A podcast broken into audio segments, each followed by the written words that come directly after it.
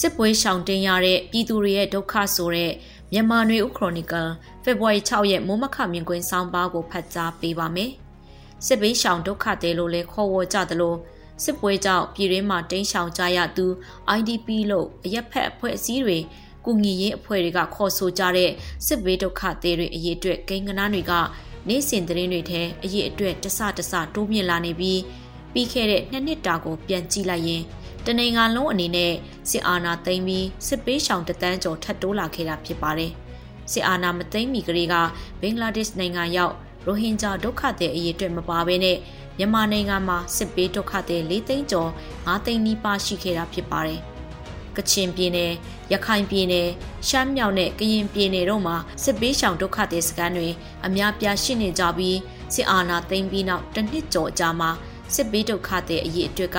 နောက်ထပ်တသန်းကျော်လာခဲ့ပြီဖြစ်ပါတယ်။စစ်အာဏာမသိမ်းမီကလေးကရခိုင်ပြည်နယ်မှာအေအေနဲ့စစ်တပ်ဖြစ်ပွားတဲ့တိုက်ပွဲတွေကြောင့်ကြောက်တော်မြောက်ဦးရခိုင်ပြည်နယ်မြောက်ပိုင်းဒေသတွေမှာစစ်ပေးရှောင်ကြရတဲ့သတင်းတွေနားထောင်ရကြားသိရသလိုရှမ်းပြည်တောင်ပိုင်းမြောက်ပိုင်းတို့မှာ TNLA SSPP RCSS နဲ့စစ်တပ်စတဲ့လက်နက်ကိုင်အဖွဲ့တွေအကြားဖြစ်ပွားတဲ့တိုက်ပွဲတွေကြောင့်စစ်ပေးရှောင်ရသူတွေ ကြောက်မဲတီပေါ်လာရှိုးအစရှိတဲ့ဒေသတွေမှာသတင်းပတ်နဲ့သို့မဟုတ်လနဲ့ချီစစ်ပေးချောင်ကြရတဲ့သတင်းတွေကြားသိကြပြီးဖြစ်ပါတယ်။ကချင်ပြည်နယ်မှာလည်း2011ခုနှစ်ဇွန်လနောက်ပိုင်းပြန်လည်ဖြစ်ပွားလာတဲ့တိုက်ပွဲတွေကြောင့်မြစ်ကြီးနားဗမော်မန်စီနမ်ခမ်တို့မှာစစ်ပေးရှောင်ဒုက္ခတွေတွေတောင်းနဲ့ချီပြီးနှိရှေလာများဒုက္ခသည်စခန်းတွေမှာနေထိုင်ကြရတာဖြစ်ပါတယ်။စစ်ပေးရှောင်ဒုက္ခသည်ပြဿနာဟာမြန်မာနိုင်ငံရဲ့ပြည်တွင်းစစ်ပွဲနဲ့ရှင်တွဲပြီး ထွက်ပေါ်လာတဲ့ပြဿနာတစ်ရပ်ဖြစ်ပြီးလူထုတွေအဖို့ခက်ဆစ်စစ်ပုံစံအမျိုးမျိုးအသွင်အမျိုးမျိုးနဲ့တိတ်ချောင်နေထိုင်အသက်ရှင်တန်ဖို့စ조사ကြရတာဖြစ်ပါတယ်2019ခုနှစ်မှာဖြစ်ပွားတဲ့ရခိုင်မြောက်ပိုင်းရိုဟင်ဂျာလူမျိုးစုတွေအစုလိုက်အပြုံလိုက်တပ်ဖြတ်ခံရကြေးရွာတွေမိရှုခံရတဲ့နောက်ဒုက္ခသည်တသန်းနီးပါးဘင်္ဂလားဒေ့ရှ်နိုင်ငံဘက်ကိုတိမ်းရှောင်သွားခဲ့ကြရပြီးအခုထက်တိုင်မဖြေရှင်းနိုင်သေးတဲ့ပြဿနာတစ်ရပ်ဖြစ်ရှိနေဆဲဖြစ်ပါတယ်။ မြန်မာနိုင်ငံကစစ်တပ်ဟာအယက်သားတွေကိုအကြောင်းမဲ့တက်ဖြတ်မှုလက်နက်ကင်တပုံအဖွဲ့တွေကိုထောက်ခံအားပေးတယ်ဆိုတဲ့တန်တရားဆွဆွဲချက်နဲ့တက်ဖြတ်မှုတွေအပြင်ရိုဟင်ဂျာအရေးမှာတော့အမုန်းတရားအခြေခံတဲ့တက်ဖြတ်မှု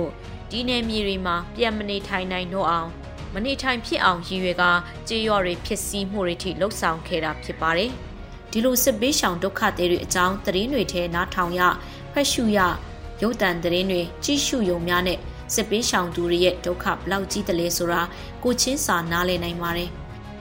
စကိုင်းတိုင်းနဲ့မကွေးတိုင်းတို့မှာဖြစ်ပွားနေတဲ့တိုက်ပွဲစစ်တပ်က PDF ရှင်းလင်းရေးဆိုတဲ့စစ်ကြောင်းထိုးတာကြေးရွာတွေဝင်ရောက်ပြီးပိုင်ဆိုင်မှုတွေရိတ်ခါတွေယူဆောင်တာဖျက်ဆီးတာစစ်တပ်ဝင်ရောက်လာချိန်ပျက်စီးတန်ရောစဉ်ကြောင့်မပြေးပဲကြံရစ်သူတွေ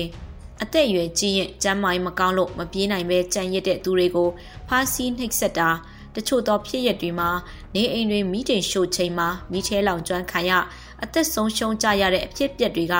နားထောင်ယုံနဲ့တင်မခံစားနိုင်လောက်အောင်နာကျင်ခံစားကြရတဲ့ဖြစ်ရပ်တွေဖြစ်ပါတယ်။ဒီဒေသတွေမှာစစ်တပ်ကတကြိမ်မကဝင်လာလိုက်ထွက်သွားလိုက်မိရှုဖျက်ဆီးလိုက်လို့တာကိုခံစားကြရတဲ့ဒေသခံတွေရဲ့အဖြစ်ဟာလည်းတွေးကြည့်ယုံနဲ့တင်ကြေကွေးစရာနာကြီးစရာကောင်းတဲ့အဖြစ်ပျက်တွေဖြစ်ပါတယ်။ ရန်သူနယ်မြေရန်သူကိုထောက်ခံတဲ့ကြေးရွာနေအိမ်ရန်သူအတွက်အထောက်ပံ့ဖြစ်မဲ့ပစ္စည်းရိုက်ခါဆိုတဲ့ခေါင်းစဉ်တက်ပြီးကြေးရွာတွေမှာတွေ့တဲ့ရိုက်ခါတန်ဖိုးရှိတဲ့ပစ္စည်းတွေကိုယူဆောင်ကြမယူနိုင်တာတွေဖြစ်စည်းကြတာမျိုးလို့ယူဆရပါတယ်ဒီလိုညွှန်ကြားခွင့်ပြုထားတဲ့စစ်ကောင်စီတပ်ရဲ့လှုပ်ဆောင်မှုတွေကဒေသခံတွေကိုပုံမနာကြီးစေစစ်ကောင်စီစန့်ကျင်တိုက်ခိုက်နေတဲ့ PDF တွေကိုပို့ပြီးထောက်ခံအားပေးမှုဖြစ်စေမှာဖြစ်ပါတယ်။ အညာဒေသကလူထုတွေဖို့စောင်းအဝက်ထဲစားစရာနဲ့အဖိုးတံပစ္စည်းရှီစုမဲစုကိုအစဉ်အမြဲထုတ်ပို့ထားပြီးစိုင်ကယ်လှဲနဲ့တင်ကားစစ်ကောင်စီတပ်နဲ့လွေရရှောင်းတိန်ကြရတာနေစဉ်ဘဝလိုဖြစ်နေတာနှစ်ချီလာပြီဖြစ်ပါတယ်။အသက်မွေးဝမ်းကြောင်းစိုက်ပျိုးရေးလဲကောင်းကောင်းမလုပ်နိုင်ပဲနေအိမ်တွေဆုံးရှုံးပိုင်ဆိုင်တဲ့ရိတ်ခါနဲ့ ပစ္စည်းပစ္စည်းရတွေဆုံးရှုံးရသလိုချစ်ခင်တံမိုးထားရသူမိသားစုဝင်တွေအသက်ဆုံးရှုံးကြရတဲ့အဖြစ်ပြက်တွေနဲ့နေစဉ်ရင်ဆိုင်နေကြရတဲ့စစ်ဘေးဒုက္ခတွေရဲ့အဖြစ်ကလူတရာ200ကြုံတွေ့နေကြရတဲ့အဖြစ်ပြက်တွေမဟုတ်ပဲလူသိန်းနဲ့ချီတန်းနဲ့ချီကြုံတွေ့နေကြရတဲ့အဖြစ်ပြက်တွေဖြစ်ပြီးဒီအခြေအနေကိုတားဆီးနိုင်ဖို့ရှော့ချနိုင်ဖို့လူထုကိုအကာအကွယ်ပေးနိုင်ဖို့အရေးတကြီးလိုအပ်နေတာဖြစ်ပါတယ်ရှင်။